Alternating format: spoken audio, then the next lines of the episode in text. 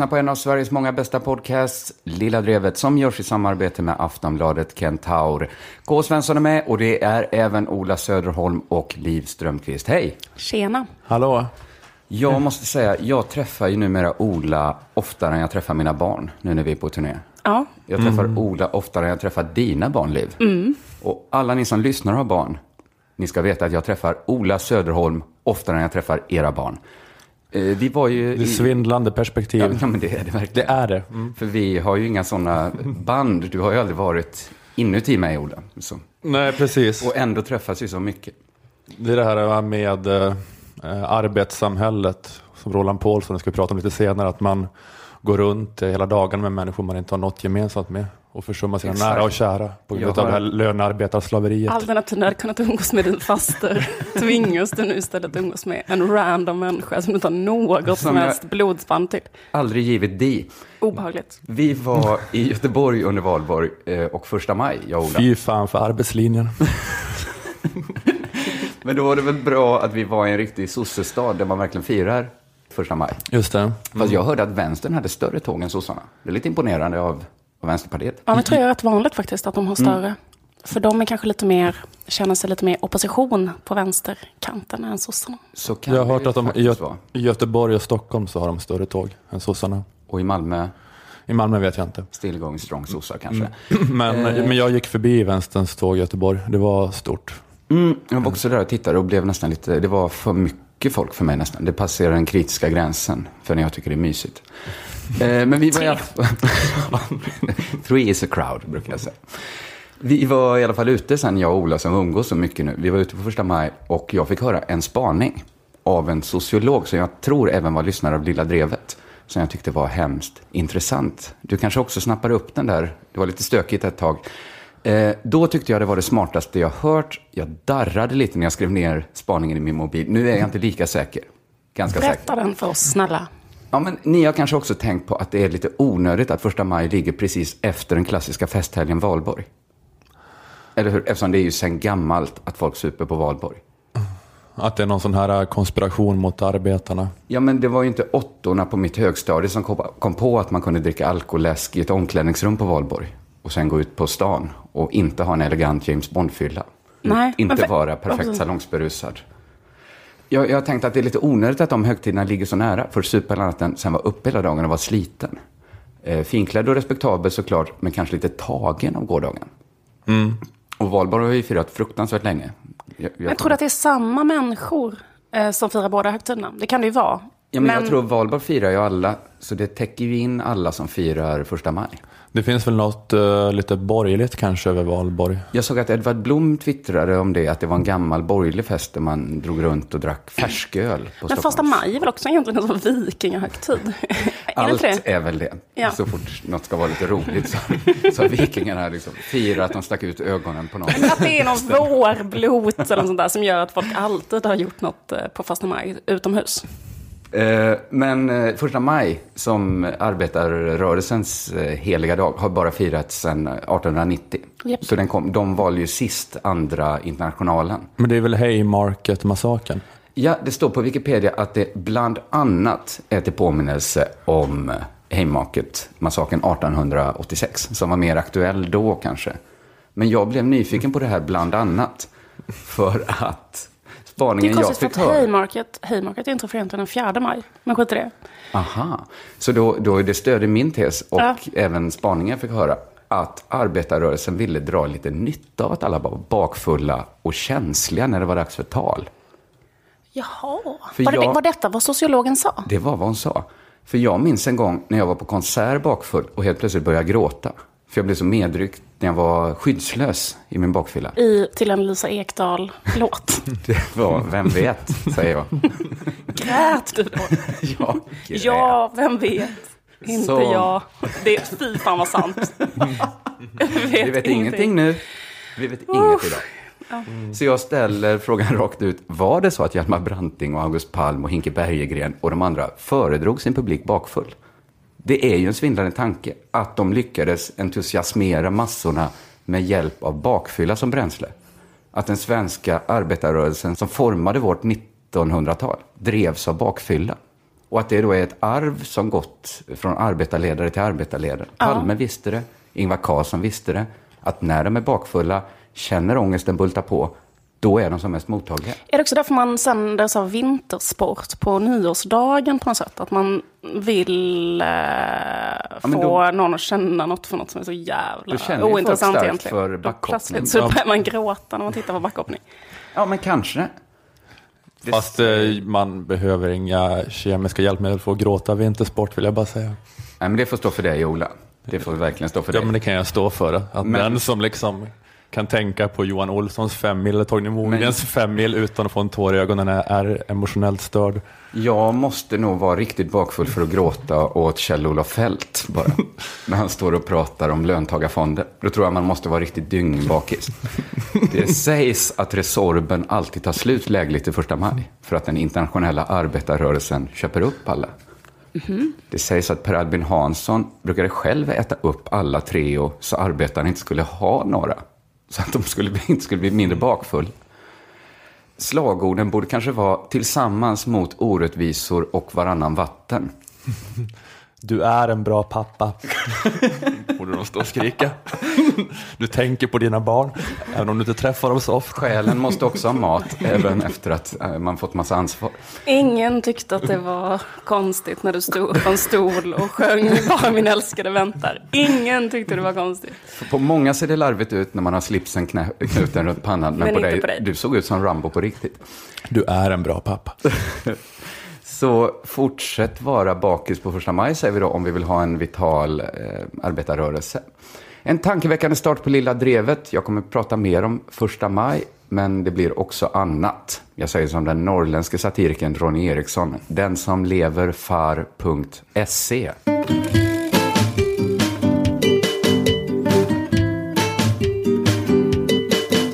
Den här äh, arbetshataren Roland Paulsen är i farten igen. Ni vet han som blir helt ifrån sig av sorg och ilska när han ser någon utföra ett jobb. Roland Paulsen grät eh, i början av Bo Widerbergs Ådalen 31 när arbetarna bara höll på och arbetade. Det var, den, det- var den sorgliga delen av filmen tyckte han. Det var bara skönt för dem sen att bli skjutna. Ehm, Stora fritidslinjen. Nej, men, eh, han har kommit ut med en ny bok om Arbetsförmedlingen som heter Vi bara lyder.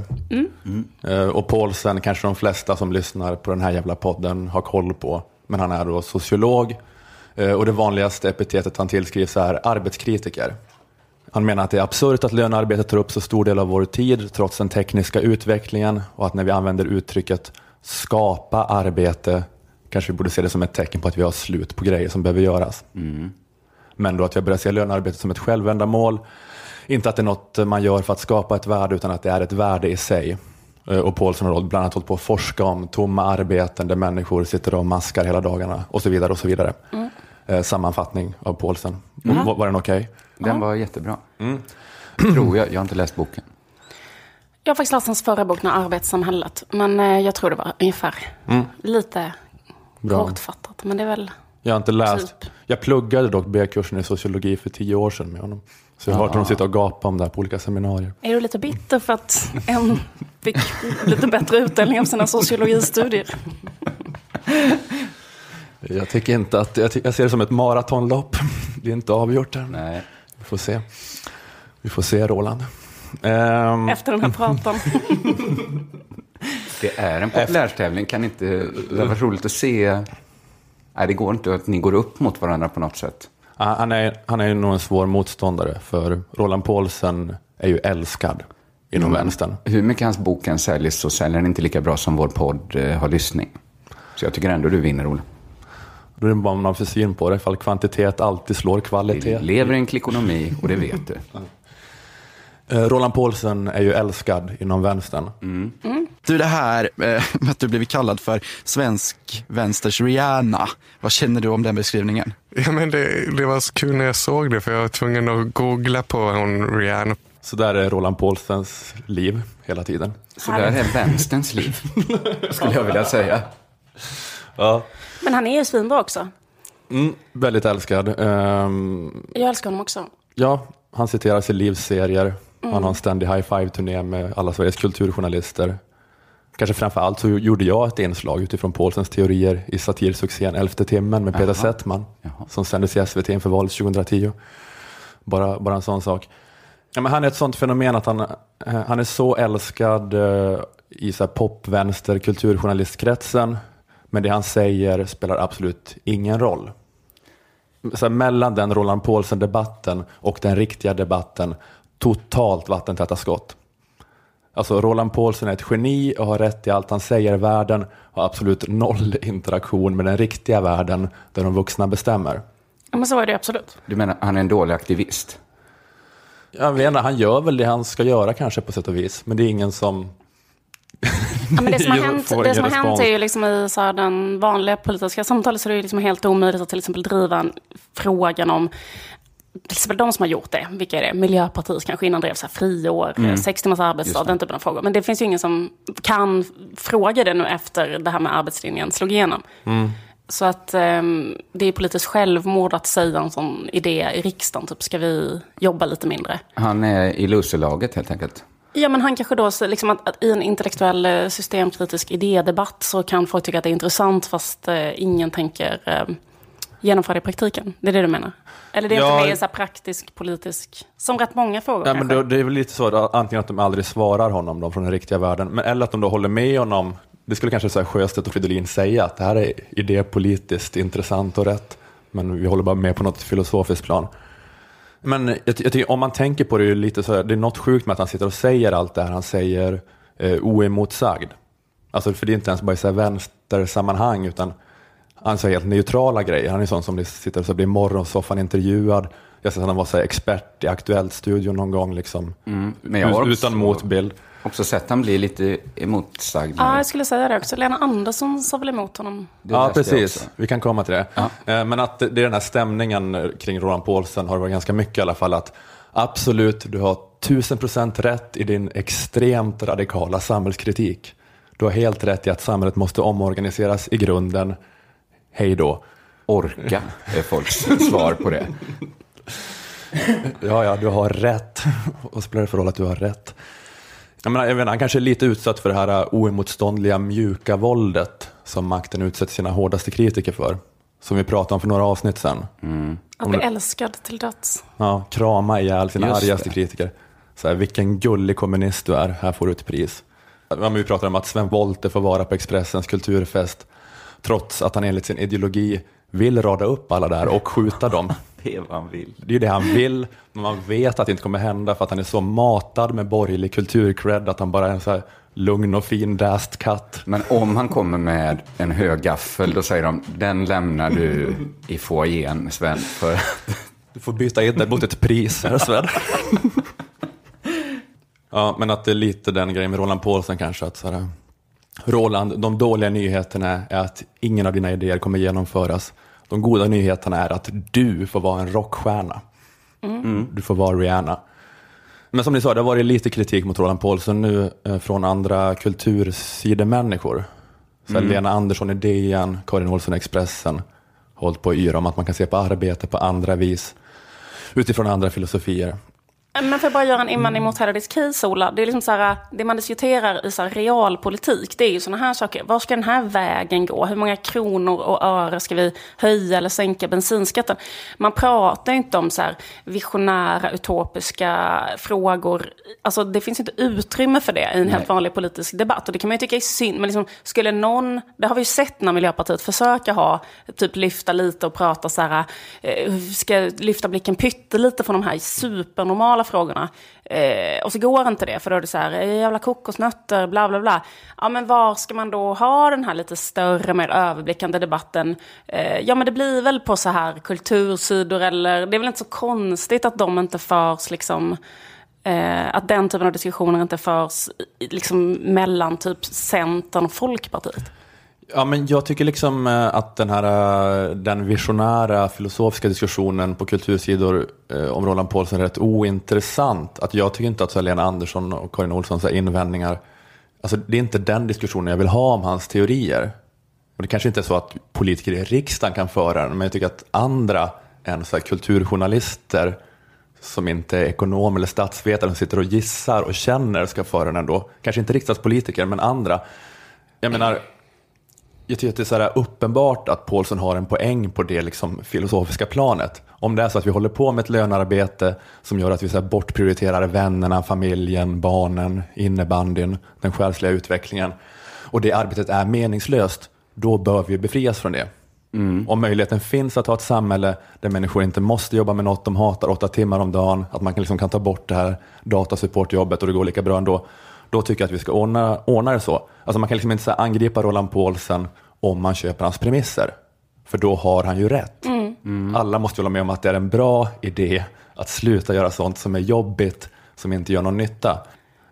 Ja, men jag tycker bara att det nästan blir någon diskussion som är så här, vore det skönt att ha det skönare? Ja, det vore det. Att Roland Paulsen säger att vi borde ha det Lena, skönare. Lena Andersson säger nej. Nej, det ska vi inte ha.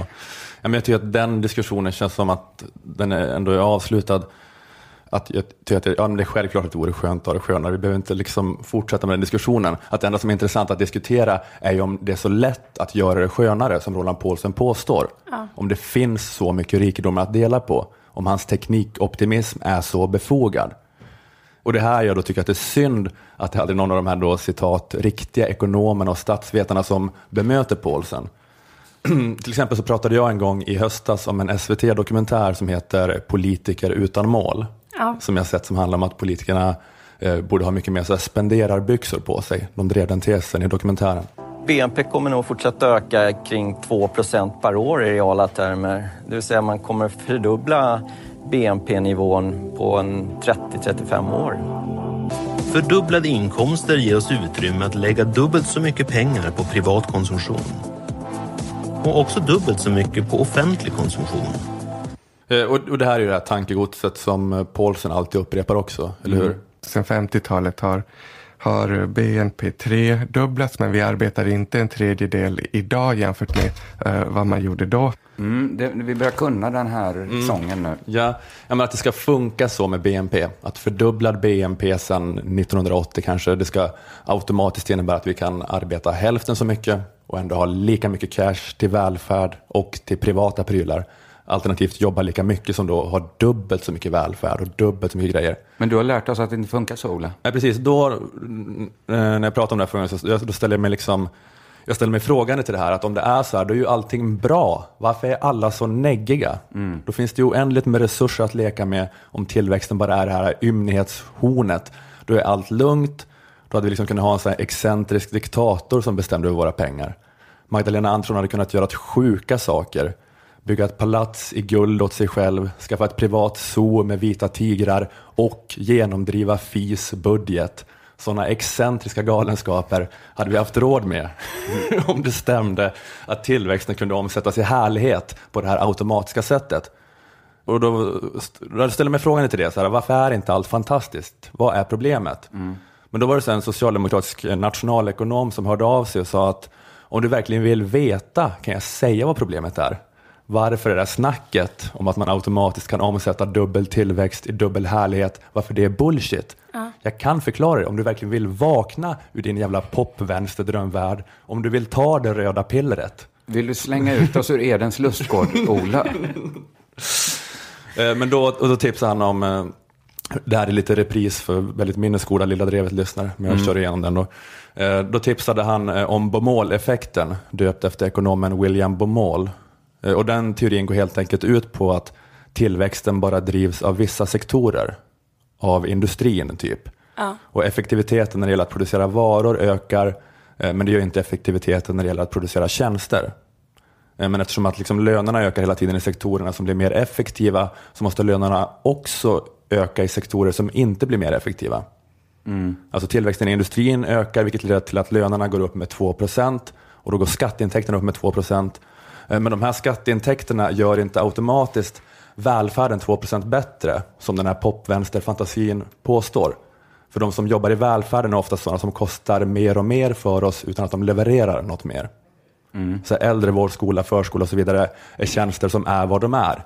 Går inte att göra snabbare och effektivare nu än för 50 år sedan. Kanske pyttelite. Ja, kanske lite. Jag var en gång och såg eh, när de opererade på en gris med joysticks. Det såg jävligt häftigt ut. Ja, men, men kanske när det gäller kirurgi och sånt. Men eh, kanske inte när det gäller Inte att sit- dagis kanske. Eller sitta och hålla en dement i handen och sådär. Ehm, Så när industriarbetarnas löner höjs och de betalar mer i skatt så äts de här ökade skatteintäkterna upp av att vi måste höja lönerna för de här som jobbar inom välfärden. ehm, Då, trots att de inte producerar någon mer välfärd. De ska ändå bara ha mer, för annars vill ingen jobba med de jobben. Men förr behövde ju kanske så psykologer och psykoterapeuter och så sitta länge med varje patient. Nu kan man ju ändå effektivisera det genom att bara skriva ut medicin till dem direkt. Ja, jo, Kanske knappt ens behöver träffa någon i framtiden. Så det går ju att göra den lite effektivare. Kanske inte mer kvalitativ då. Mm, Man kan göra det kanske lite mer, jag fattar vad du menar. Alltså, men samtidigt, man kan göra det lite. Som till exempel bibliotekarier nu för tiden. De jobbar inte med att så här, stämpla böcker, utan det gör man själv i en maskin. Eh, och så vidare. Men jag fattar vad du menar. Ja, men det, det, det, är inte, det är inte bara så här, tillverkningsindustrier, det kan ju vara liksom Ja, men det är som en grej man säger med det här med att kulturarbetare måste subventioneras mer och mer på grund av det här. Fast det gäller ju, alltså, vi- alltså typ film och inspelad musik har gjort kulturarbetare oerhört mycket mer produktiva. Men så här, teater och opera och sånt måste hela tiden subventioneras mer och mer för att det är liksom det är lika ineffektivt att spela Shakespeare idag som på 1600-talet när, när det skrevs. Det har liksom inte blivit effektivare. Men deras löner måste ändå ha ungefär samma utveckling som en gruvarbetares löneutveckling har varit sedan 1600-talet, trots att den har liksom effektiviserats hundra gånger om. Och det gör att man liksom, ja, det, det bär sig själv mindre och mindre. Det blir högre och högre så här, subventioneringsgrad på teatrar Så och det gör att det stämmer liksom inte egentligen den här grejen att säga där med BNP, att, att varför jobbar vi inte en tredjedel så mycket som vi gjorde på 50-talet? Ja, men det, det, Men det- lite mindre känns som vi kunde li- jobba alltså, i alla fall. Det, det, det kanske inte förklarar allt det här, men eh, till stora delar, ja, vi, kan, vi kan komma till det, men det är liksom Ja, men det är att den här ständigt pågående tillväxten i industrin kan typ bara upprätthålla status quo. Om välfärden ska bli bättre måste man antingen höja skatterna, minska arbetslösheten eller öka produktiviteten i välfärden. Det är också, kan man säga, det här med Bomols tes är ju lite det här eh, anledningen till att idén om vinster i välfärden är absurd. Eh, eftersom att det just inte finns några vinster att utvinna. För att om man tar sig äldrevård så är ju produkten är ju ett mellanmänskligt möte. Ja, just det. Att man är där och är med någon och det är svårt att effektivisera. Produkten är personal på plats. Alltså om man lyckas leverera produkten smartphone på tre timmar istället för på fem timmar så har man ju fortfarande levererat produkten smartphone. Men om man levererar produkten vara med någon i fem timmar på tre timmar så har man inte levererat produkten vara med någon i fem timmar. Äldrevårdspersonalens förmåga att böja tiden ökar inte i samma takt som Apples förmåga att bygga snabbare Men processorer. man kan ge dem gamla Atarax och sover de två timmar så märker de inte att man var borta där och var med någon annan. Så att det görs ju ändå försök till att effektivisera. Det är de här dina, det är dina eh, medicininvändningar som räddar popvänsterns teoribygge. Jag tror det. Roland, hör av dig. Jag har en idé till ett appendix. Mediciner som ska tillämpas inom välfärden för att få den lika effektiv som får jag säga till tillverkningsindustrin. Paulsens försvar så är det här kanske bara också en del av hans case. Det är ju inte hela caset. Nej, nej. Eh, Och eh, som sagt, jag har, eh, jag har sagt det här förut någon gång för länge sedan i Lilla Drevet, ungefär det här. Men min poäng med att upprepa det är att jag tycker att det är trist att sådana som Roland Paulsson inte tas på nog stort allvar för att man liksom ska börja diskutera det de säger på ett sånt här praktiskt plan. Alltså att det här med Baumol-effekten, som du säger, det är inte allting, men det är en sån självklar problematisering av den här teknikoptimismen som ingen orkar säga till alla de här jublande kulturjournalisterna, för ingen tar dem på allvar nog mycket. Alltså en orkade säga det till mig efter att jag hade tjatat. Eh, ja, att alla de här eh, riktiga statsvetarna och ekonomerna och experterna och politikerna bara säger att mm, jättefint, hej då. De är bara så här att hipstervänstern får ha sin grupp runt där borta. De verkar ha så roligt, det är kul för dem. Roland Paulsen får sitta och gnugga näsa med Jessica Gedin i Babel. Låt dem hållas, det spelar absolut ingen roll. Och det skulle liksom bara vara intressant med någon mer så här, vad heter det, tvärvetenskaplig, över fälten. Alltså att sociologin inte bara ska vara ett så här opium för popvänstern. Din poäng är att vänstern ska säga på mål är Rihanna. Nej men, ehm, Ja, men är det inte också att man känner, de känner så här, han är väl liksom inget hot eller det spelar inte dem ens någon roll. Var- Varför skulle de spendera tid på att ens debattera med honom? Nej men jag menar inte att, att högern nödvändigtvis ska debattera mot honom, men, men, kanske, men kanske mainstream-vänstern. Alltså, Ja, för, för, för det som, för de håller Den där säkert... sossen som skrev till dig, Ja, ja. han kanske har mejlat.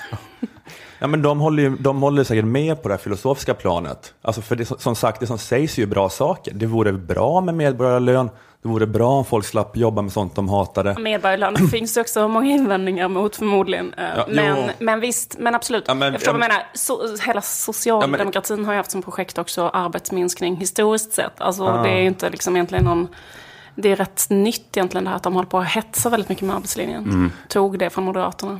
Ja, men vi, ja, vi behöver liksom inte ha en diskussion om huruvida det vore härligt eller ohärligt. Så här, det vore härligt. Vi måste diskutera är om det är så här, fria fantasier eller inte. Hur skulle det gå till att ha basinkomst? Eller hur skulle det gå till att här, beskatta kapital istället för arbete? Vad skulle hända? Eller för, som sagt, det är ju absolut inte så att det här med Bomol skjuter allting i sank. Alltså jag tror verkligen att Paulsson har en miljard poänger ändå. Men det är något så här osunt för utvecklingen av det tankegodset som Paulsson har. Om alla bara ler och nickar och gör tummen upp. Alltså vi får ju bara känslan av att makten är helt galen, som inte bara gör som Paulsson säger. För att eh, vi, vi är övertygade om att det bara är att göra det. För ingen har någonsin sagt något annat. Men vet vi, varför vi, jag bara, tror- vi bara väljer att inte göra det här. Vi Men- bara lyder. det, är kon, det är konstigt om de har Bara lyder motargument. Paulsson. Ja, men vad minns ni, jag fick höra om det här med Bomol, att sitter de och håller på motargument som de inte ens orkar säga, bara för att de tycker att vi är så löjliga. Är inte det hemskt? Eller så visslar Paulsson varje gång han raderar ett, ett mejl med bomål i ämnesraden.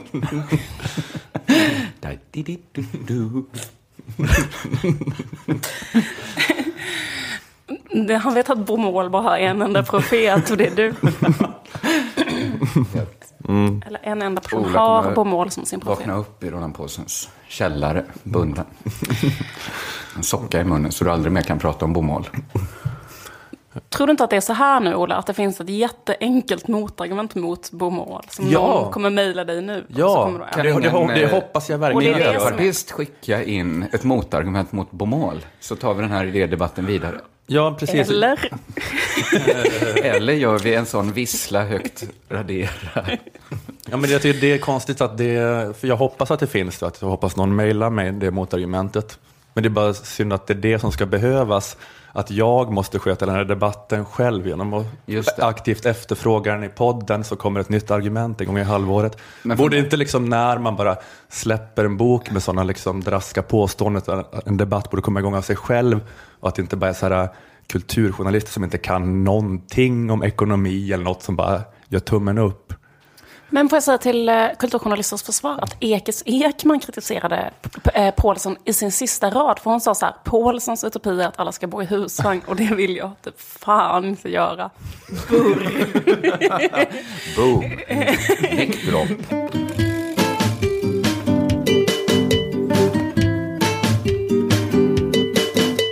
Jag tänkte fortsätta prata om första maj och kanske kommer vi komma in på saker vi redan pratar om. Vi pratar ju, jag visste inte att vi skulle prata så mycket om bomål. det vet man Också inte. prata om bomål. Nej, det ska jag inte göra. Jag ska prata om Jag trodde äntligen jag hittade någon. den internationella arbetarklassen och många andra grupper och klassers, klassers stora dag. Eftersom nu, nu för tiden är ju första maj för alla nästan. Arbetare, borgerliga, borgare, sexuella minoriteter, reklamare. Det är ju liknande Prideveckan, Almedalsveckan, mer och mer en stor langosfestival. Electric Banana Band framför Internationalianen på zebragitarr. För och nackdelar med det såklart. Var det så i Göteborg? Nej, så var det faktiskt inte. Men, men jag har gått på något första maj när det kom fram någon moderat och kom med ett flygblad. Och det, ja, jag vet inte. Det, det är ju det här, det är ju en socialdemokratisk tanke att alla ska få vara med. Till exempel i utbildningssystemet. Att öka utbildningsnivån, skapa ett bildningsideal bland arbetare. Det var en fråga som sossarna drev framgångsrikt under 1900-talet. Och när jag berättade då till exempel för mina föräldrar att jag tänkte ta gymnasieexamen så blev inte det någon jättegrej hemma. Har du blivit alldeles högfärdig, sa de inte. Ska du stå i vit mössa med otvättad hals och sot på kragen så att vi får skämmas? Jag blåste upp det som en padda. Det är inte samma status att ta gymnasieexamen längre. Nej. Tyvärr kanske man får säga. För att alla får vara med. Det är ett problem att göra något öppet för alla. Det, man förlorar exklusiviteten. Som när golf blev någon slags folksport. Statusen på folk ökar inte. Statusen på golf minskar. Det är som att gå på en kattutställning där alla vinner. Det är inte spännande. Första pris till en superfin och välskött raskatt. Också första pris till den som kommer med sin katt upppackad i en Big Pack-kartong. Du var också duktig. Här får du ett pris. Så det är problemet när man förlorar exklusiviteten kommer en helt platt katt. som är påkörd av en... Alltså som har legat i frysboxen. Som man plockar Första fram. pris. Den har du tagit hand om lika bra som alla andra. För, eh, 2015 tog Arbetarrörelsens parti upp sin gamla fråga om att utbilda folket på första maj. De kampanjade under parollen kunskap, frihet, framtid. Det är deras eh, paroll nu, ja. Ja, ja under jag första såg maj. den också. Ja, jag Det är såg deras den. jag frihet, jämlikhet, broderskap. Eh, och på deras eh, hemsida läste jag, eh, alltså som inte är någon surprise för någon, jobben i fokus på första maj. De har liksom rullat en film på sin hemsida och kanske på andra ställen också, jag vet inte vem som har delat den. Där Stefan Löfven hamrar in budskapet att framtiden börjar i skolan. Framtiden börjar. Det är så kul. Ja. ja. Jag tycker att det är något intressant med att man skriker ut både mer studier och mer jobb. För är det något studier inte är, så är det ju jobb. Jobbar du? Nej, jag pluggar. Är du arbetslös? Nej, jag går i femman. Tanken måste då vara, tänker jag, att utbildning skapar jobb. ja. Ja, det tror jag också. För om det inte skapar jobb, så spelar det ju ingen roll om alla utbildar sig. För då får man ju ändå inget jobb. Nej. Alltså jobben tog slut, någon annan fick det sista. Eh, till slut, om man inte utbildning skapar jobb, så blir ju inte utbildning bara en rättighet, det blir ett krav, ett minimikrav. För behövde man inte gymnasiekompetens, nu måste alla ha det. För de, ja, det är inte lika lätt att sticka ut i konkurrensen. annars. Så det måste ju vara tanken då att det skapar jobb, som var tydligen en skrattretande tanke. att vi kanske har fler Spotify tack vare vårt goda och demokratiska utbildningssystem. Ju mer utbildning, ju fler Spotify-kontor och fler jobb på Spotify. Men vi har ju ett eh, vidrigt utbildningssystem, har ju OECD precis sagt häromdagen. Fast det kanske, inte när Spotify-grunden gick i skolan. Nej. Det kanske har störtdykit Och sen inte dess. när Cardigans lärde sig att spela blockflöjt på kommunala musikskolan eller vad de gjorde. Nej, precis. Jag bara kände så här, är det så passande att just på första maj, arbetarnas lediga dag, stå och skrika, ni måste plugga mer. Varför? Så att ni kan jobba. Annars vill de inte ha er på sina Spotify-kontor. Vad håller ni på med? Varför jobbar ni inte? Har ni inte pluggat eller? Era odugliga latmaskar. Och era barn, de måste plugga mer. Och man bara kände så här, kan vi ta det en annan dag? Kan vi inte idag demonstrera mot orättvisorna? Men hur ska era barn kunna få jobb om de är lediga idag? Inte bara ha ett första maj-tal tillägnat arbetsgivarna. det verkar lite konstigt. Varför har ni med er era barn? De kunde varit hemma och pluggat. Framtiden börjar i skolan. Om de inte vill studera, det kan de tyvärr inte välja längre. För det är numera ett minimikrav att alla läser på högskola. Det har vi kämpat för. Varsågoda. Det är, jag tycker det är en märklig, egentligen märklig socialdemokratisk fråga. Även om de socialdemokraterna har gått åt höger är det ju lite trist att första maj helt och hållet ska vara en dag till kapitalets ära. Att Då kan jag ändå försöka ska lite skapa grann. sitt eget Spotify. Eller kanske en annan app som, förla, som förvandlar alla ens vänner till otäcka narcissister. Kalla den Instagram eller Facebook om det är upptaget. Men för jag menar så här, om kravet nu är, alltså för ett vanligt första maj kanske kravet är så här, vi ska skapa fler jobb. Men nu, nu har de fan ökat det. Ni måste jobba, men ni måste också plugga. Alltså det, det är egentligen bara ytterligare ett krav att slänga på arbetarklassen. Men sen tänker jag också så här, både skola och arbete är ju bra grejer. Det var mest det att en dag om året kan man få ta det lite lugnt. Och inte höra vilka sepen man är som inte pluggar tillräckligt för att få kunna kalla sig medelklass. Att det måste fortsätta det här att varje dag ska det öppna en ny högskola i någon liten svensk stad som ingen hört talas om. Man gjorde tidigare kanske spikar i den stan. Mm. Nu ska man så utbilda Nu ska de ha stora skyltar i Stockholms tunnelbana, plugga på högskolan i... På bara Skövde. tre och ett halvt år kan du lära dig tömma en bajamaja. Du behöver sociologi. Lite statsvetenskap. Mm. Det var Stefan Löfvens tal här alltså. Eh, Jag lyssnar inte på något tal, för jag tänkte att det skulle kanske eventuellt vara lite, lite tråkigt att höra ett sossetal. Och då tänkte jag, research, var lite ledig. Gå på Rolands idé, varför jobba? Det är väl inget heligt arbete? Nej, precis. Det är... eh, När man pratar om Roland Paulsen liksom, i en podd så eh, hyllar man ju honom Jag med att kanske- vara ogenomarbetad. Jag kanske Det skulle kunna ha lyssnat bara sex timmar på sossetal. liksom, dra ner det. Och sen i framtiden kanske bara, som Bodil Mann, vad heter hon, Bodil, hon forskaren i Lund.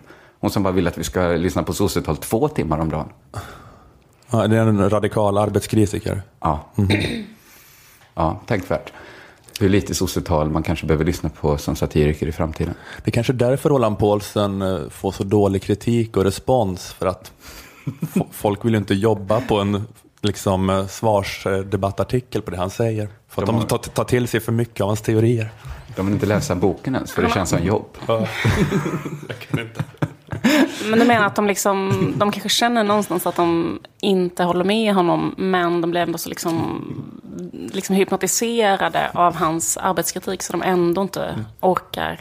Man kanske tänker att förr i tiden så behövde man läsa hela boken, men nu är tekniken vår vän. Så nu kan man läsa en recension som finns gratis och så behöver man bara läsa i två och en halv minut.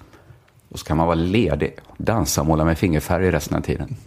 Blomstra. Kring ett bokbål där man eldar Rolands böcker och dansar som en dår. Det är hans utopi. Hamnar i trans. Ekis tycker det låter sådär.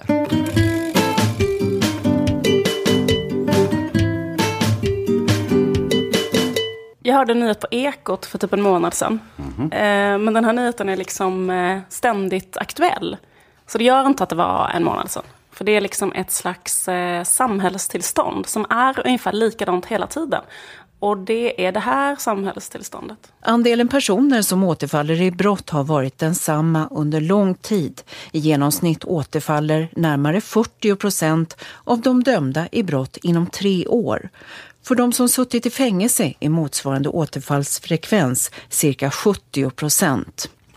Jag ska säga, jag har ju jobbat på fängelse. Jag tyckte det lät ganska lite. 70 procent. Jag hade tippat på mer faktiskt. Ja. Men ja, Intressant.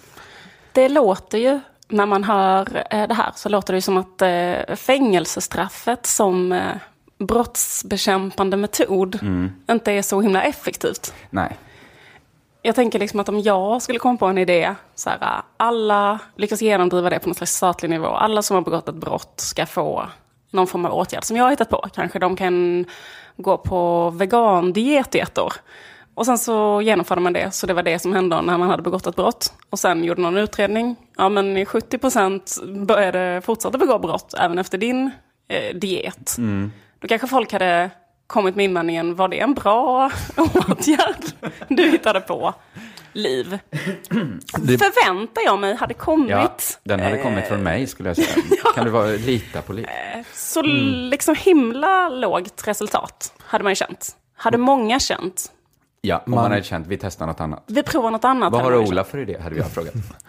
Nackdelen med det som kanske gör det snäppet sämre är att de kan ju kanske kombinera det här med vegandieten och begå brott under det här året.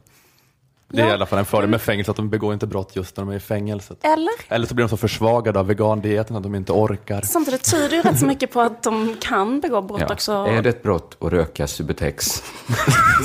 ja, då är vi väl alla skyldiga. Ja, Eh, Jo, men sådana brott kan man ju begå. Och man kan, de kan spöa varandra och sånt där kanske. de dödar en vakt och sånt. Det händer.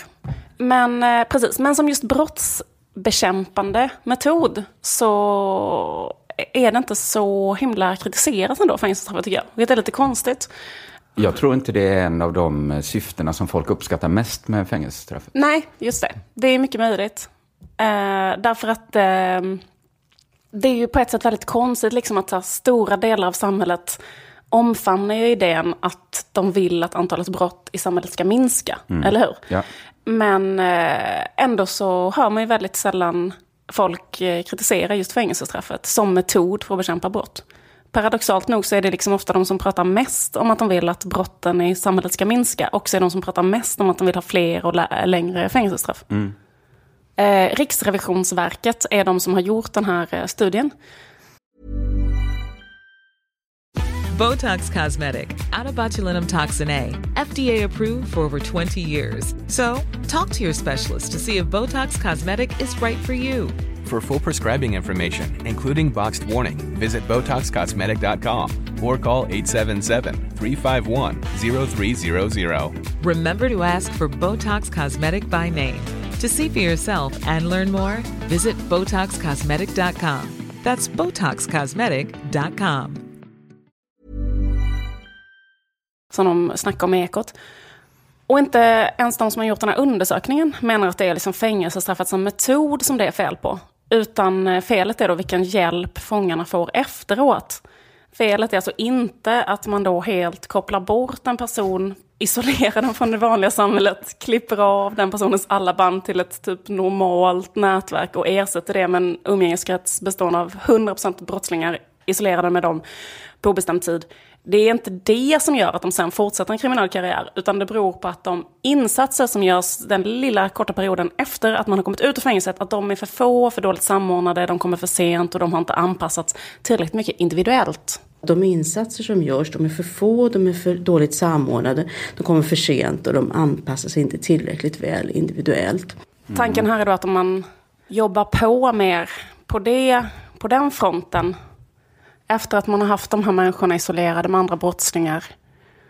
Om man bara ger dem mer hjälp där, stöd i ut, utträdesskedet. Så kommer de inte att äh, återfalla i brott. Vad, vad för slags stöd då? Då ska de få träffa... Komvux kanske? Eller? Ja, någon sorts utslussningslägenhet. Jag antar att det redan görs rätt mycket. Men man kan säkert göra mycket mer. Men frågan är om det är där, om det är det som är felet. Eller om någon någon gång skulle kunna tänka att felet låg någon annanstans i kedjan. Det är intressant här tycker jag i alla fall. Att eh, väldigt stora delar av eh, samhället liksom omfamnar åtgärder som uppenbart och väldigt tydligt är väldigt ineffektiva och kontraproduktiva och i många fall leder liksom till motsatsen av det man säger sig vilja uppnå, alltså färre brott. Jag eh, har läst en eh, artikel av en sociolog. Mm, en sociolog. Han Skönt att heter... vara tillbaka i det här myset. Man kan, så här, kan, sju och en halv poäng kan man skriva till i Laddock efter att ha lyssnat på den här podden. Ja, jag tycker det är rätt så intressant. Eh, Jag ska berätta den här för er, vare sig ni vill eller inte. Mm, nu tänder vi på. Drar ner opiumröken rejält. Långt ner i magen. Glömmer bort arbetslinjen. Ja, men man kan säga så här, äh, alltså om man ställer sig den här frågan bara, varför finns det brott i samhället? Mm. Och hur ska man få bort brott? Eller kan man eh, få bort brott? Liksom? Man kan säga att det finns liksom två eh, huvudteorier kring det här. Det ena är den konservativa teorin. Och den är ju så här, att anledningen till att det finns brott i samhället är för att vissa människor är onda. Eller hur? Eller väljer att göra onda handlingar. Och för att få bukt med det, då är det ju bättre, den bästa lösningen på det är såklart att ha hårda straff och Det är ju jättemycket att slå straff. ihjäl dem. Ja men exakt. Och eh, på många håll så har man ju så, alltså speciellt alltså, i Europa under medeltiden och så, så hade man ju stenhårda straff. Det var ju så här, hugga av händerna, sticka ut ögonen, stegla någon och sånt. Men ändå så var ju inte 1600-talet en period vi minns som en period där det inte förekom brott. Nej. Inte som, jag, nej, det tror jag inte. Det hade varit kul om det var så att det var så här. Det var inga brott under hela 1600 och 1700-talet. För att bara tanken på att man skulle kunna bli satt i en stupstock. Men det är eh, liksom ändå, det är färre mord kanske de senaste hundra åren än vad det var mellan 15 och 100 och 1600 per capita. Eller finns det sån, det är ingen som kan sån statistik Jo, kanske? men jag tror att det var så. Därför att snarare kan man säga att när det har varit väldigt hårda straff, och det finns också vissa länder nu kanske som fortfarande har, alltså Saudiarabien, Iran, och fortfarande har då kanske spöstraff och också hugga av handen tror jag. Och sånt. Ja. Eh, Men det man kan se är att det är ungefär, det kan till och med vara så att det är mer brott av den karaktären i sådana samhällen som har den typen av eh, lagsystem. Och det kan man tro beror på kanske att det allmänna respekten för människolivet liksom sjunker. Så att om man lika gärna kan liksom så hugga av någon händerna så kanske man lika gärna bara kan hugga av handen. Alltså att hela samhället det blir mer brutal, det är brutaliserat. väl inte ett samhälle med så här stor tillit och sånt där? Nej. Som, eh, ja. Eh, därför så verkar det så att det här leder inte till eh, lägre brottslighet. Hårda straff alltså. Nu finns det en annan teori, teori nummer två, den liberala teorin. Den är så här, vi förstår, försöker förstå brottslingen, varför begår den brott? det, då finns det ju jätte... Det är så här, den kanske började få fel kompisar, den blev påverkad av dem, stegvis började den göra grövre och grövre brott. De här teorierna känner vi till. Mm. Brottslingen kanske kommer från ett nedgånget område där det inte finns några framtidsutsikter. Eh, och kriminaliteten känns som enda utvägen. Ja. Har ni hört de här Jag teorierna? har hört om detta. Jag har också hört Plura säga brott lönar sig alltid. Jaha. Ja, och det gör det ju för vissa. Alltså om samhället inte är tillräckligt snällt mot en så tjänar man ju på att bryta mot reglerna. Man ska inte säga något om man inte själv växte upp i Norrköping på 50-talet. Exakt. Man broder. visste fan inte hur det var. Men jag funderar på det för att jag undrar om det inte är också väldigt, väldigt om det verkligen är så att brott alltid lönar sig. Alltså jag tror att det är svårt att så här, svårt att på riktigt så här, äh, komma upp bara i liksom en Men- undersköterskas månadslön. Ja, om jag finns- tänker sig mobiltelefonrån eller sånt där. Hur mycket, hur, hur mycket får man om man säljer en iPhone liksom på Nej. andra Skulle nästan behöva råna en varannan dag. Ja, men om alternativet är att inte ha något jobb så lönar det sig. Ja, men- Jag menar, alltså, Ja. det finns en viss typ av brott som alltid lönar sig. Till exempel, det är bra om alla betalar skatt, det är bra för mig. Men det är ännu bättre för mig om alla utom jag betalar skatt. Den typen av brott mot det samhällsavtalet lönar sig ju alltid för individen. Ja, just det. Tills den dag liksom, samhällskontraktet är så svagt så ingen vill betala skatt. Då förlorar alla på det. Ska vi lyssna på den här sociologen istället för på Pluras teorier? Kanske.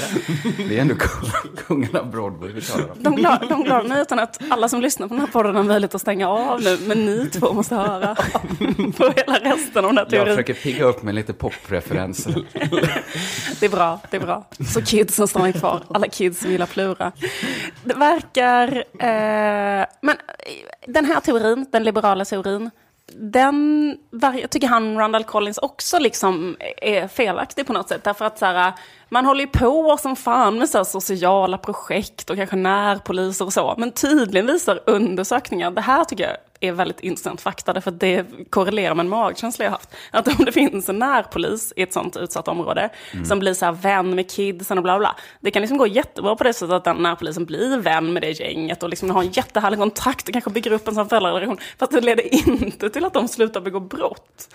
Alltså de är jättebra vänner med den polisen, men de begår kanske ändå brott bara för att det är... Alltså, jag menar, de, man gör såna satsningar och det är härligt och så, men det kanske inte är jättebrottsbekämpande. Det finns ju ett eh, sånt där liksom eh, som konservativa brukar förfäkta som ett lyckat exempel är att i New York har de fått ner brottsligheten med 80 procent, typ sedan 1980, med någon slags nolltoleranspolicy. Att de är där och, jag vet inte om de kallar det så här broken windows. Yes, det är exakt så de kallar det. Att varje gång ett fönsterruta var trasig så bytte man den direkt. För i ett hus där alla fönsterrutor utom en är sönderslagna, där slår man gärna sönder den sista. Men om inga är sönderslagna så slår man inte sönder den första. Det är Alltså en man- sorts psykologi som finns inom ungdomsgäng. Alltså förfallet får liksom inte börja alls för då blir det ett sluttande plan och man efter, utreder alla små brott, alla små stölder. Helt det har ju maniskt att de har så nolltolerans. Fruktansvärt framgångsrikt. Jag kommer ihåg hur snacket om New York var på 80-talet. Att man blev skjuten på vilken gata som helst om man hade ett par Jordan Airs på sig. Nu är det liksom en härlig, helt ofarlig stad ju i talet om New York. Nu har ni argumenterat mot hela den här teorin. Men om ni ändå vill fortsätta höra Vi vill ändå, vi ändå, vad kan jag och Nu Ola har för ni att gett- fråga dig? Ja, men det Ni är, hade ju... Och min enda källa var min brorsas kompis som sa att man kunde bli skjuten. Ja, men Men jag har nu har- redan gett upp. nu Jag har- sk- skiter i det nu. Jag går härifrån. Får jag fortsätta berätta? Jag ja, vill att du gör det. Ja, då är det så här att eh, det verkar liksom inte riktigt stämma den där teorin. Eller jag menar alla i ett nedgånget område ägnar sig inte åt brott. Det är bara en pytteliten minoritet ofta ju. Alltså om det skulle vara så, bara alla som är här känner hopplöshet, då skulle ju typ alla begå, men det är inte det så ju.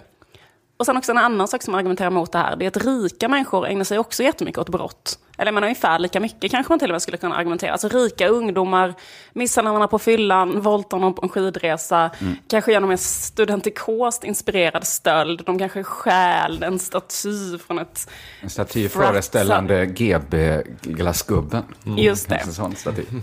Eller någon har kanske stjäl en marmorstaty som står inne i någon, någon annan institutions eh, för att kränka den. Jag kan inget om sådana här Vår studentikosa kompis eh, Johannes Finnlaugsson har stulit 950 sådana GB-glassgubbar genom åren. Och kört hem dem i 950 kundvagnar som han också stulit genom åren. Just det.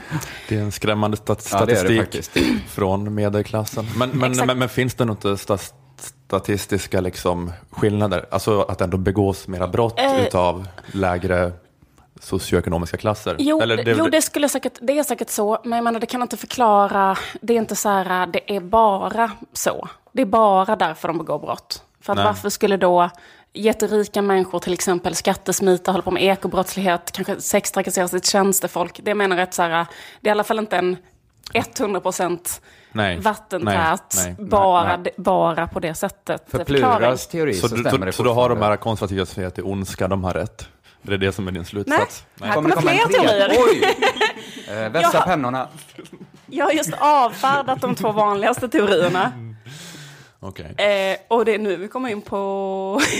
Vi är den enda podden där lyssnarna måste ha med sig två pennor, för den första kan ta slut när man antecknar och då är det bra att ha en till.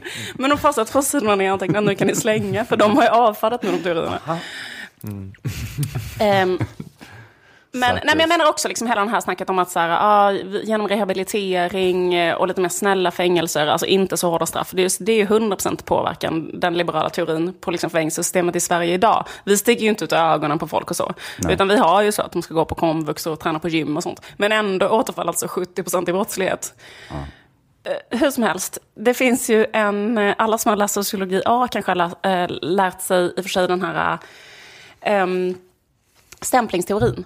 Den känner ni kanske till. Att det är så här att anledningen till att det finns brott i samhället, det är så här att in, det är liksom att alla människor som är mellan 13 och 20 begår brott.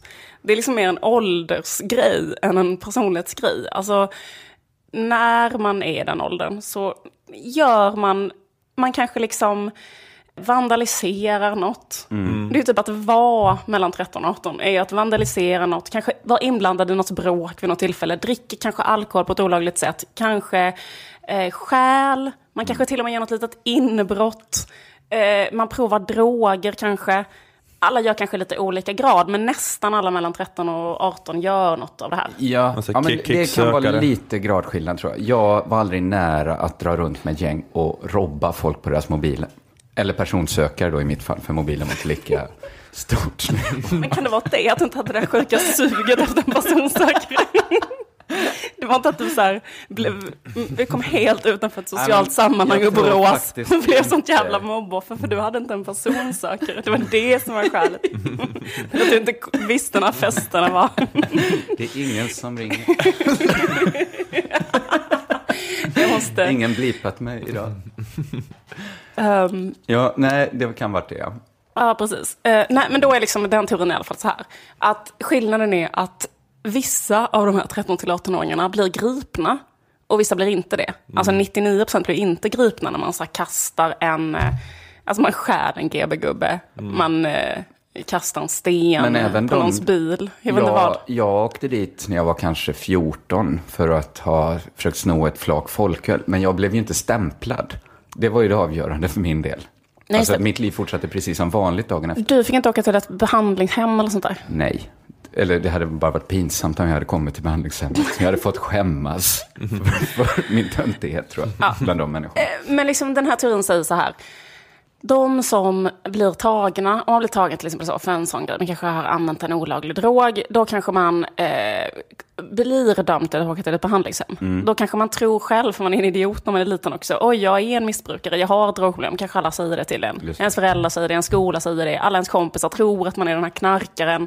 Man åker till ett behandlingshem, eh, blir en knarkare, blir bara kompisar med dem, fortsätter sedan en kriminell karriär. Så det värsta som kan hända en, enligt den här teorin, är att man blir gripen. Ännu värre då man kanske råkar komma i ett ungdomsfängelse eller något sånt där. Då börjar man på riktigt, alltså att det är, en psykolo det är en psykologisk mekanism som inträffar och man börjar då i ett känsligt psykologiskt skede att identifiera sig som kriminell, därför att alla behandlar en som kriminell. Just, till skillnad det- från plurateorin så är det här nationalteatern-teorin, känd från Kolla kolla. Vad är det? Ja, strunt samma. Eh, Den är också, ehm, finns eh, luckor i den, men det är liksom en, eh, en teori som går ut på att man kan säga nästan att eh, lagsystemet eller polisen skapar eh, brottslingar. Det finns invändningar. Det fick vi lä- man lära sig i Bamse också om historien om vargens uppväxt. En gång tjuv, alltid Just tjuv. det. Då är jag väl tjuv då. Men sen finns det vissa sociologer som tar den här eh, stämplingsteorin ännu längre och menar att det är så lagen som skapar brottslingar. Alltså, och det är ju på ett sätt helt självklart att Ja, lagar skapar brottslingar. Det är ett ganska svagt argument i legaliseringsdebatten att man ska ta bort, att man ska liksom ta bort eh, förbudet mot cannabis för att då blir färre kriminella. För det, det, då kan man ju ta bort liksom, straffet på död, död, mord också. Nej, därför att alltså, det, det tänker jag är på ett sätt liksom... Jag tycker just... Det finns, alltså Randall Collins, den här sociologen som jag läste en artikel om, han menar att till exempel den lagen mot droger är ett, kan kategoriseras in som ett så offerlöst brott. Det kan man ju diskutera, men den personen som har valt att köpa den drogen har i alla fall gjort det eh, med egen eh, vilja. Ja, och man Så kanske det- har supportat ett, syst, alltså ett kriminellt system, men det systemet hade inte funnits om det inte varit eh, förbjudet. Nej men precis. Så att det är ett så, offerlöst så det är ett brott. offerlöst brott. Och det finns ju en extremt många, alltså det finns ju en hel eh, kategori brott som är just då offerlösa brott. Som beror på att man har skapat en lag. Alltså alla, det, spelande har ju, är ju förbjudet på vissa sätt också. Så kan man säga att offerlöst brott, drickande var ju förbjudet på 30-talet i USA. Också ett offer, alla drogbrott.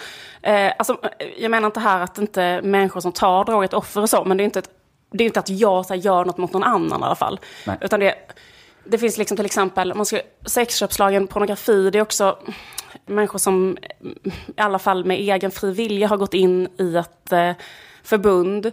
Och också homosexualitet har varit i perioder förbjudet. Där kan man också säga att det är ett offerlöst brott. Så här.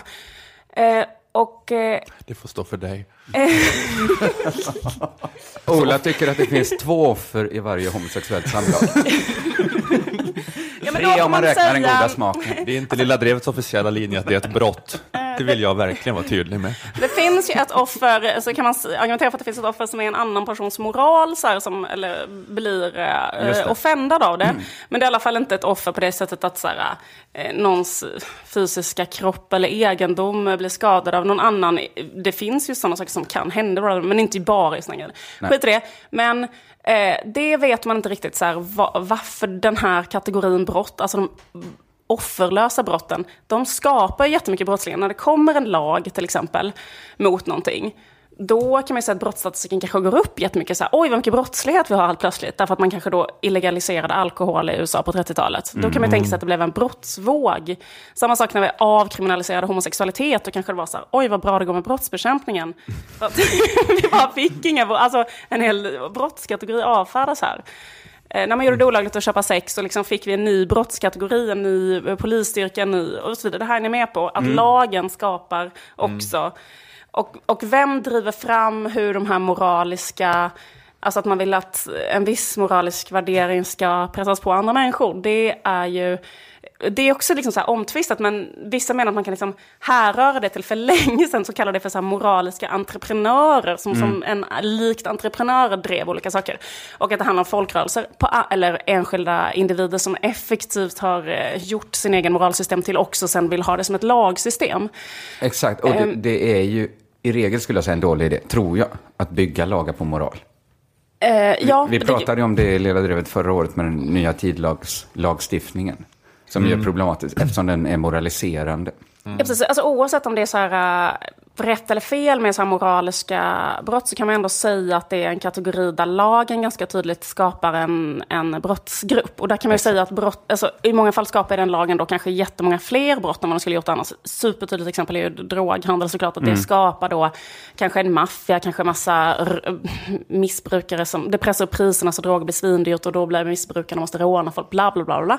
Kanske om det var legalt skulle det se ut på ett annat sätt. Skulle man kanske ha massa andra problem, det vet inte jag, men det är i alla fall utifrån den här teorin. Eh, hur som helst, ehm, det finns också en tanke som jag tycker är jävligt intressant som är så att det inte är de här moraliska entreprenörerna som har drivit fram det utan också kan finnas liksom större eh, organisationer, kanske ekonomiska intressen som vill göra någonting olagligt. Exempelvis att läkemedelsbranschen i början av 1900-talet ville ha monopol på drogförsäljningen och inte ville ha konkurrens från så vem som helst och då lyckades man eh, få igenom det till exempel. Så det kan finnas den typen av eh, intressen bakom moralisk Ja. lagstiftning också ju. Så, så är det ju.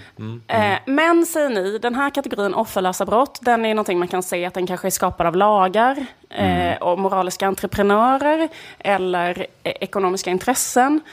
Men eh, alla andra brott då, kan man fråga sig. Riktiga brott som mord, rån, överfall, våldtäkt.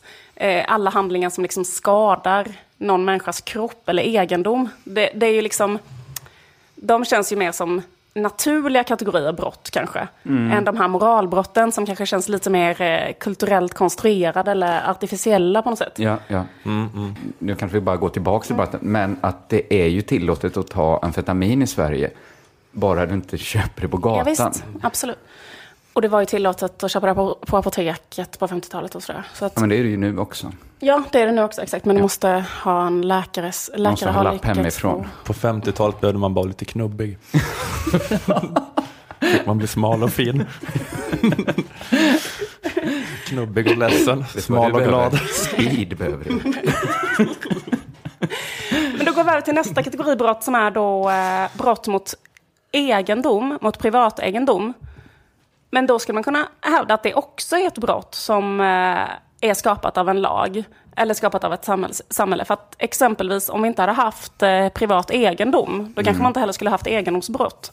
Skulle man kunna argumentera. Exakt, men jag tycker det blir problematiskt för att den egna kroppen är också en del av ens egendom och den tycker jag att man har rätt till. Liksom. Ja, men om vi bara tar nu liksom... Ja, vi kan kan, vi kan ta de där eh, brotten mot kroppen sen, men om vi bara tar eh, Fast det går ju egendom. också att se sin kropp som sin egen, alltså att de omfattas av samma princip. Ja, men just den här grejen som är så här stöld, rån, den Mm. typen av grejer. Då finns det vissa som argumenterar för så här bara, eh, ja men typ, ja, men så, så kan man ju se att om, i vissa städer har man ju så här, för att få bort cykelstölder så säger vi bara att alla cyklar är allas cyklar. Sådana förslag finns eller sådana, Mm. liksom, så är det ju på Ven, det är inte på Ven, att man bara tar en Säkert. cykel. Det skulle förvåna mig om det inte var Men om vi så. säger så att alla cyklar på Tellus skulle vara kollektivt ägda, då skulle Mm. ju inte cykelstölder finnas till exempel. Ingen vill ju stjäla sand, det kanske finns folk som stjäl sand. Men saker skulle det inte är- finnas riktigt bra cyklar då? Nej, det är sig. mycket möjligt att det Nej. inte skulle göra. Och det är inte heller eh, egentligen... Det finns ändå, även om allt... Det är, så- det är så svårt att fantisera ihop att allt skulle vara kollektivt ägt. Men även om man skulle lyckas styra upp någonting där privategendom var avskaffad och klassklyftor avskaffade, alltså den socialistiska utopin. Även i en sån utopi så skulle det säkert gå att... Eh, Det är ju typ en helt teoretisk fantasi. Ja, men även där skulle det också gå säkert att sätta sitt eget eh, privata intresse före kollektivs intresse på olika sätt. Mm. Ta en cykel och låsa in den någonstans så ingen annan fick tillgång till den för den var bättre eller jag vet inte vad. Men det är i alla fall svårt att säga att det skulle vara en helt eh, konstruerad. Men man kan också säga att det faktiskt stöld också på ett sätt är konstruerad av en lag eller samhälle. Skapar man inte bara ett nytt brott då, alltså man skapar en svart marknad till exempel, att man gör andra grupper kriminella? Absolut. Så att det är rätt svåra frågor. Verkligen. Och i socialistiska länder så var det ett brott att göra saker som inte är ett brott i andra länder och så vidare. Alltså Mm. där man hade kanske, ja, men kanske ett brott att starta ett fritt företag till exempel. Eller bara ett eget företag. Och då kanske man skapade en ny brottsgrupp där som stämplades och bla bla bla. Mm. Men ett ganska intressant exempel, för nu kommer vi in på den tredje kategorin brott, som då är till exempel mord, våldtäkt, sexmord, misshandel, den här typen av brott. Det finns liksom ett exempel från Danmark 1944, när Danmark var ockuperat av Nazityskland. För då hade de, eh, de allierade hade landstigit i Frankrike. Och därför så var Nazityskland rädda för att eh, Dan- Danmark skulle liksom göra en revolt, så här, de var ockuperade. Så därför så arresterade man hela deras poliskår. Så under nästan ett helt år, så 1944, så hade Danmark ingen polis. Tills de allierade kom dit 1945. Så polisen satt i fängelse hela... Mm. Och då kunde man se att antalet egendomsbrott ökade tio gånger. När man släppte ut polisen? Nej, alltså när polisen var inne. Alltså det första folk gjorde när det inte fanns polis Aha. var att sno av varandra. Mm. Typ rån ökade jättemycket för man tänkte så här, det är ingen som bryr sig om jag tar den här tantens väska nu eller sådär. Nej, nej, nej, just det. Eller stölder, små stölder och så. Folk Men kände att det de bara också- kunde gå in i en affär och ta något och det var inte så jävla farligt. Kunde de bara liksom brotta ner en som butiksbiträde så var det lugnt. Ja, ja. Men man kanske också var mer så här materiellt utsatt under ockupationen. Att alltså man stal för sin överlevnad på ett annat sätt. Kanske, Ja, jag vet inte. precis. Men de, man kan tänka sig att de hade varit utsatta också innan. Men Ja, ja. De, det verkar inte som att... Eller det verkade ändå som att lagen hindrade människor från att begå egendomsbrott. Men, nu Mm. kommer det intressanta. Att en sak som inte överhuvudtaget gick upp alls, det var mord och sexualbrott. Det är intressant. Därför att man begår liksom inte mord, alltså man hindrar inte sig själv från att begå mord och sexualbrott för att det är olagligt. Mm. Alltså anledningen till att du inte mördar Ola är inte för att du är rädd för ditt straff. Ja, men det känner man ju också, ä- även som... Utan för att du inte skulle kunna. Jag skulle, jag skulle bli så fruktansvärt ensam också för att den enda jag umgås med är Ola. Men en obrottslig, eh, en person som liksom inte är lagd åt brottslighet kan utan polis begå ett egendomsbrott men inte sex eller våldsbrott. Nej, precis. Men skälet till det är för att alla sex och våldsbrott nästan är eh, orsakade av emotioner och inte alls av liksom, ett kalkylerande. Alltså nästan alla mord är ju inom alltså, folk som känner varandra. Och eh, då är det för att man är övermannad av eh, raseri. Och en pa- passionerad, antingen man kanske har ett slagsmål som spårar ur, man är skitförbannad för att någon har gjort slut med en. Det är den typen av känslor. De rår man inte på riktigt med Nej men lagar lagen och ja. polisen. nej. Så de straffen hade man lika gärna kunnat avskaffa. Radikalt förstås. Radikalt det lilla drevet. Varför legaliserar vi inte mord? För den... Eh, Kan vi inte ta en legaliseringsfråga i taget, Liv? För att jag känner att din legaliseringsfråga hjälper inte mer. poängen är att man hade exakt lika gärna kunnat legalisera mord om man hade haft exakt lika många mord i samhället. Därför att nästan alla mördare mördar bara en person under hela sitt liv. Det är också sant statistiskt. Alltså det är så otroligt ovanligt att vara mörda fler än en. Så liksom du råkar mörda en för att du övermannades av känslor, sen kommer du aldrig mer mörda någon. Så det är bara, ja men gå till jobbet nästa dag. Som, eh, Fan vad provocerande. Om du har suttit och försökt tuffa dig med legalisera cannabis. man får Nu in, får du legalisera. om de genast, om de lyckades fånga Palmes mördare och bara, ah, vi vill bara se vem du var. Nu är du fri att gå. Vi vet att du kommer inte göra om det. Nej, Men det är ett mönsterexempel de har gjort med Palmes mördare. Vi bara skiter i det, vi bara sjabblar till det. Det är en pionjärverksamhet. Statsministermord är numera legaliserat. Men det är som typ Lasermannen borde man sätta i fängelse, men de flesta mördar typ sin fru och det var bara henne de ville mörda och då kommer de aldrig göra det igen. Ja. Ja, men det är ju inte bara därför man sitter i fängelse. För att man inte ska göra om ett. Det är ju också ett straff. Det är faktiskt också en ganska intressant grej när man kollar på just livstidsdömda. Att eh, folk som har suttit jättelänge i fängelse, de är de som aldrig återfaller i brott. PGA, de är för gamla.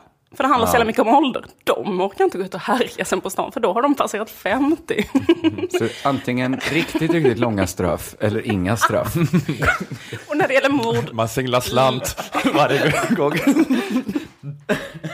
Du kommer in för liksom misshandel på Det kom- krogen. Det här kommer se konstigt ut, men det är enda sättet som funkar. krona för 30 år. Klaver för att gå ut härifrån. alltså, så, så, så konsekvensen av detta skulle vara så här. Egendomsbrott, där funkar det faktiskt att ha lite straff. Det kan man ha lite straff. Fast det är absolut inte fängelsestraff, för det verkar inte funka så bra. Men ett annat slags straff. Kroppsstraff. Nej, det funkar inte heller. Men jag tänker att man skulle kunna, jag vet inte, betala böter kanske eller något sånt där. Ingen aning. Jag, jag, vem är jag att titta på det här? Mord, inget straff alls. Nej. Lagligt. Om. Du kanske kan lägga upp hela din straffskala på Facebook-sidan. Så att folk kan få titta sen. Alla moralbrott lagliga. Som, Ja. inte är, som är offerlösa. Alltså jag menar inte att man, inte, att man, man kan kämpa mot den typen av företeelser fast kanske på ett annat sätt än med lagen. Om man vill det. Eh, bla bla. Skit i det. Ja, det här är inte genomtänkt. Nej, nej, men det, Jag bara tycker det är intressant. Mm, det är intressant. Lite intressant. Ja, det är det. Ja, ni får mig att det är intressant. Ger Absolut. det. Du höll god min när jag pratade om att alla var bakis på första maj. Men, men det är det här att det, att det inte är rationellt på något sätt. Att det är folks liksom känslor som ska tillfredsställas av att kasta folk i fängelse. Ja, precis. Alltså, det som Randall Collins menar är liksom funktionen av brott och straff, varför vi håller på med det i samhället. Det är för att hela samhället hålls ihop av att vi gör en ritual tillsammans som är att vi hittar en brottsling och straffar den. Och liksom det håller upp en social struktur. Han Ja. menar att det är liksom ett... Alla ritualer är... Alltså, precis som man kanske går i kyrkan eller har ett bröllop eller den typen av ritual som håller samman en någon form av struktur så är också liksom en rättssal där det finns en som har gjort fel, alla andra stärks i en känsla av att de har gjort rätt. Man liksom reaffirmerar sin tro på samhället, att man själv är en god människa i motsats till någon annan som är ond. Det är som eh, Heidi Klum och Sil håller på, eller höll på när de var gifta, att reaffirm the vows eh, hela tiden. Eh, Och göra nya bröllop för att Jaha, säga vi ja, ja. fortfarande kära. Det man gör varje gång man dömer en brottsling är att hela samhället säger en gång till vi är en enhet det, och det fyller alla andra människor med emotioner. Mm. Ehm, Jag tror att det är bra- Sammanhållning, bindande för gruppen. Därför behöver ett samhälle den här känslomässiga ritualen. Alltså han menar att ett samhälle helt utan brottslighet, alltså med noll brottslighet, skulle falla samman Aha. totalt. För då skulle man liksom inte ha den här göttiga känslan. Det är liksom lite som, man, liksom, man behöver ett brott för att stärka sina inre solidaritetsband. För han menar också egentligen finns det ingen, alltså det här är ju också jätte outside the box, men jag menar egentligen så kanske det inte finns någon rationell anledning för majoriteten av människor att överhuvudtaget bry sig om brottslighet i samhället. Därför att det är så himla, himla få människor som egentligen är utsatta för brott. Mm. Och de människor som är mest oroliga och upprörda över brottsligheten i samhället, det är de som är minst utsatta för brott. Det är så människor som är över 50 år. Och av dem är det mindre än en procent som någonsin överhuvudtaget på något sätt råkar ut för ett brott. Men det att de bryr sig om och får emotioner och känner solidaritet och läser om ett brottsoffer. Och ofta är det väldigt så här aparta brott som man tar upp. Man tar upp sådana saker som att en människa utan kopplingar till eh, undre världen blir skjuten Mm. eller någon som är vit medelklass blir utsatt för ett eller så här. Alltså, jag, jag menar inte att det är dåligt att de solidariserar sig med brottsoffer. Jag bara menar att det är socio, i sociologiska termer så är det liksom en solidaritetsakt som mer handlar om emotioner än om så här, riktiga så här, rationella kanske hot mot, speciellt inte mot de människorna, utan det är mer liksom en samhällssammanhållande eh, grej. Menar att han menar att det skulle falla samman utan brott? Eller är det, liksom, menar- är det enda sättet att skapa de emotionerna? Att vara emot brottslingar som en enhet? Nej, det finns ju massa, massa saker som fungerar så sammanhållande, menar han. Men han menar så att det är helt omöjligt att liksom ens teoretiskt tänka sig ett samhälle utan brott, av att alla grupper skulle hitta på så här avvikande händelser eller saker. Mm, eller liksom, det, det skulle inte gå att ha liksom en sån, så pass homogen massa. Plus att det här avvikande beteendet stärker gruppen och gör den gruppen starkare. Ja, de måste det är liksom som produ- produ- producera brott. Melodifestivalen eller sånt där. Det är typ så här... Ja, men det finns ett problem med att definiera sig själv och sin grupp. För man kan inte göra det utan att berätta vad man inte är. Just Och därför behövs de som är det man inte är. Ja men till exempel Clark Olofsson har gjort liksom lika mycket för sammanhållningen i det svenska samhället som eh, kanske Björn Borg har gjort genom att alla tittade på en tennismatch och älskade det och blev glada, fick en stark nationskänsla och kände att de var ett folk och sånt. Mm. Då får de samma känsla, härlig solidaritetsskapande känsla av att de är laglydiga, de har rätt, den här människan har fel, han är avvikande. Och det bidrar till samhällets fortbestånd. Fast det där kan alltid slå över i sin motsats för att om samhället inte är tillräckligt attraktivt så blir man mer lockad av att identifiera sig med, med tjuvarna. Ja, men Det- han, alltså Randall Collins menar att det finns liksom en slags självreglerande system där med att så här, alla kommer inte att bli liksom brottslingar i ett samhälle därför att när en brottslig organisation blir tillräckligt stor så blir den också en organisation Mm, som är så mm. pass liksom styrd av chefer, regler, normer. Det är inte liksom en urballad fri situation att vara en del av eh, De en startar maffia. sitt, sitt eget arbetslinjen inom organisationen. Absolut, med egna så här. Det, det är ju inte att man bara kan göra något härligt, gå in och... Det hade varit så himla häftigt Att- tycker jag. ja, om att det bildar en ny stat, liksom. Det Två ny stat. samhällen samtidigt. Som man fick välja. Det gör det, det kan man göra nu. Ja. Man Men kan jag tror det är det som, jag tror det, är det som kallas krig. Eh, Så det är det ja. som det är i Syrien nu, att det är en Ah, kamp ja. mellan två sådana. Så vill jag ha det. Så det är ganska stökigt i de där skiftena, tror jag ofta. Men, men eh, Alltså jag bara menar att istället för att gnälla över det här att det är 70% återfallsbrottslingar så kanske man bara skulle tänka så här, åh, vad, vad, vi har ändå valt det här systemet att det ska stärka oss och nu är det så här. Och det vi har gjort med vilje ett system, fängelsestraffet, som är extremt ineffektivt. Och det är bara gött. It's all good. Behöver inte göra någonting. kanske- men, men det är att det är irrationellt, men det är också rationellt för att folk är irrationella. Folk är känslostyrda och behöver de här emotionerna liksom för att fungera i grupp. Och då måste man jobba med det känslostyrda. Det är lite som vi pratade om med eh, att, att, att antirasismen måste vara känslostyrd för att rasismen är känslostyrd. Och att, eh, det här med att man måste framställa invandrare som gulliga fast alla borde klara av att vara antirasister oavsett hur ogulliga de är eller inte. Ja, just det. Ja. Men uh, det var också med, uh, vi pratade om Simone Weil för ett par avsnitt sedan. De pratade också om det här med om partierna, att de liksom inte tjänar logiken och sanningen. Men de kallar partierna för lidelseapparater. De skapar gemensam lidelse. Ja, just det är det. deras uppgift. Och som det blev i Nazityskland blev det som att det bara var en enda lidelse som inte hade någon Just konkurrens. Men då som hela, kanske- parti, som hela kanske man folket anslöt sig till. Just det, men då kanske man ska skriva till en vers till nationalsången där man hyllar den 70-procentiga brottsåterfallen. Absolut. Och så sjunger vi den innan fotbollsmatcher så vi stärks i folksjälen. Men jag tycker det är jättetydligt så här, hur man skapar kollektiva emotioner genom att så här, ta upp aparta fruktansvärda brott. Eh, typ på, i kvällstidningar och så. Alltså det är ju bara till för att skapa den typen av solidaritetsemotioner som är så här. Man solidariserar sig jättemycket med offret, tänker att man själv är ett potentiellt brottsoffer. Fastän, vad ska man säga? Det är man inte i Nej, regel. exakt. Eller typ så här, det är liksom väldigt ovanligt. Alltså man, tar, man tar också upp sådana som är jätteovanliga i sådana fall då. Eh, inte för att förringa alls liksom när det händer. Nej, nej, nej. Vi talar ju på en, på en annan Du nivå talar här. bara på den här helt andra nivån. Den Där man sociologiska sitter och inte har några känslor och bara kan säga att inget straff för mord. Och inget spelar någon roll. Nej men det är också, det var någon som pratade om det i den här podden Slates Political Gabfest. Jag hörde en säga om det, att det är helt liksom uppenbart att det absolut bästa USA hade kunnat göra efter 11 september hade varit ingenting. Hade de inte gjort någonting, alltså ingen kan tycka något annat om man ser på vad som har hänt, alltså det totala jävla kaoset det har blivit. Men det, rent emotionellt hade det varit helt omöjligt. Alltså inrikespolitiskt för sammanhållningen för amerikanska folket. Det hade inte gått att inte börja göra någon skit. Men det är helt uppenbart att det hade varit det smartaste. Bara, nu hände det här, okej. Tänker vi inte på det? Så som svenska polisen otroligt föredömligt hand, hade Palmemordet. De ska fan ha medalj hela gänget. Hans Holmér, Så gräv jävla upp han och sätt ett band runt hans hals.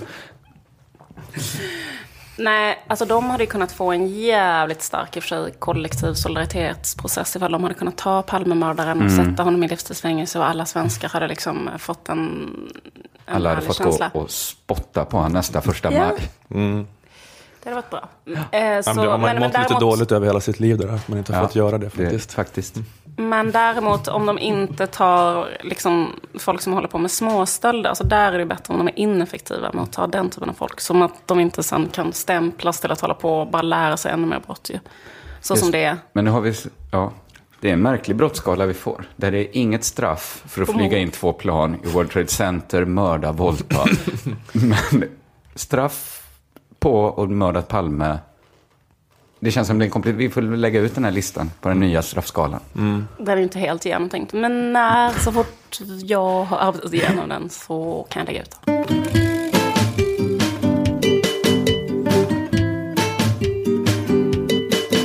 Ja, jag kan säga en sak, det är att vi håller på och, eller jag håller på och eh, pusslar ihop eh, lite samlingspoddar, för vi ska ha sommaruppehåll. Just det. Då tänkte vi passa på att vandra lite längs minnenas allé eh, och släppa fyra samlingspoddar, en med respektive Lilla Drevet-person. Ehm, jag vill bara säga att ni får gärna hjälpa till att eh, påminna om inslag som varit bra och eller roliga. Jag, jag har glömt jättemycket som dels jag och dels ni andra har pratat om. Ja, Så precis. Jag kommer nog lyssna, i alla fall på era andras. Ja, jag kommer inte ihåg någonting. Så ni kontaktar mig. Vi har en tråd på Facebook-sidan där man, folk har skrivit lite grann. Eh, ni behöver inte önska Livs prat om Alice Bakunkes sommarprat fler gånger. Jag fattar vinken. Lovar att klippa med den. Det var jätteroligt. Ja, det var jätteroligt. Men kontakta mig där eller skriv till mig på Twitter eller mail eller Facebook eller whatever. Om, om inslag ni tyckte nu- var bra. Eller skit i det. Jag fattar för annat för er. Ja, och nu ska vi iväg, Ola, och umgås ännu mer. Vi ska ta vår ömhetsturné till Stockholm och Uppsala. Just det. Det ska bli roligt. Mm. Eh, kom gärna och titta ni som har köpt biljett, annars blir det tomt i Mm. lokalen. Det är väl slutsålt. Ja. Vill man ha information om vår turné, då kan man ju till exempel följa Ola på Instagram, Ola Soderholm, eller mig, K. Svensson Movie Club.